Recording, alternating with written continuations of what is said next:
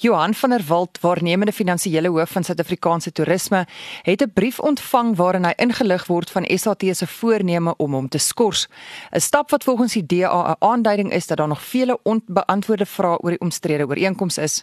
Van der Walt het bande met 'n agentskap wat kan baat by die transaksie wat SAT met die Britse sokkerklub Tottenham Hotspur wil aangaan. 'n Harry het so wat 2 weke gelede losgebars na besonderhede daaroor aan die lig gekom het.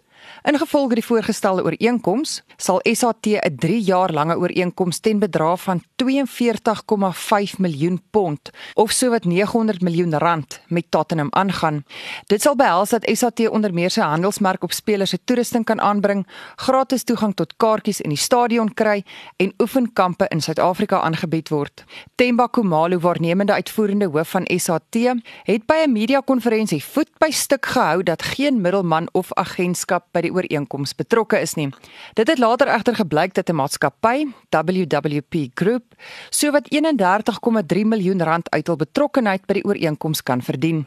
Die nuuswebwerf Daily Maverick het aanvanklik berig van der Walt het bande met verskeie maatskappye wat met die WWP Group verbind word en dat hy in die verlede regstreeks vir die groep werk gedoen het.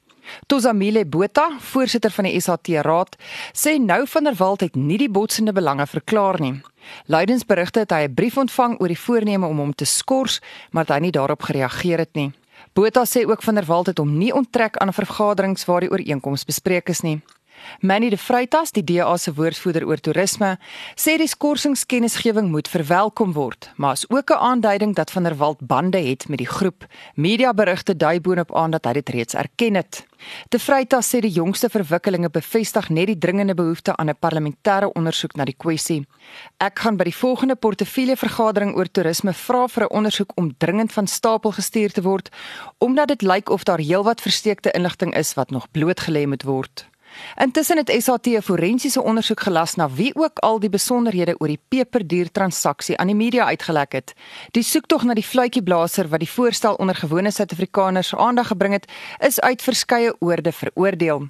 Die DA het vroeër al gesê dit is absurd, terwyl die Vereniging vir Staatsamptenare sê die soektog na die fluitjieblaser, na wie Kumalo as on-Suid-Afrikaans verwys het, dra net by tot die sinloosheid van die hele ooreenkoms. Die SA Toerisme Raad se houding laat veel te wense oor. Dit lyk of hy dink dat hy nie aan die land aanspreeklik is nie en eerder fluitjieblassers wil uitsniffel, sê Ruben Maleka, woordvoerder van die FSA.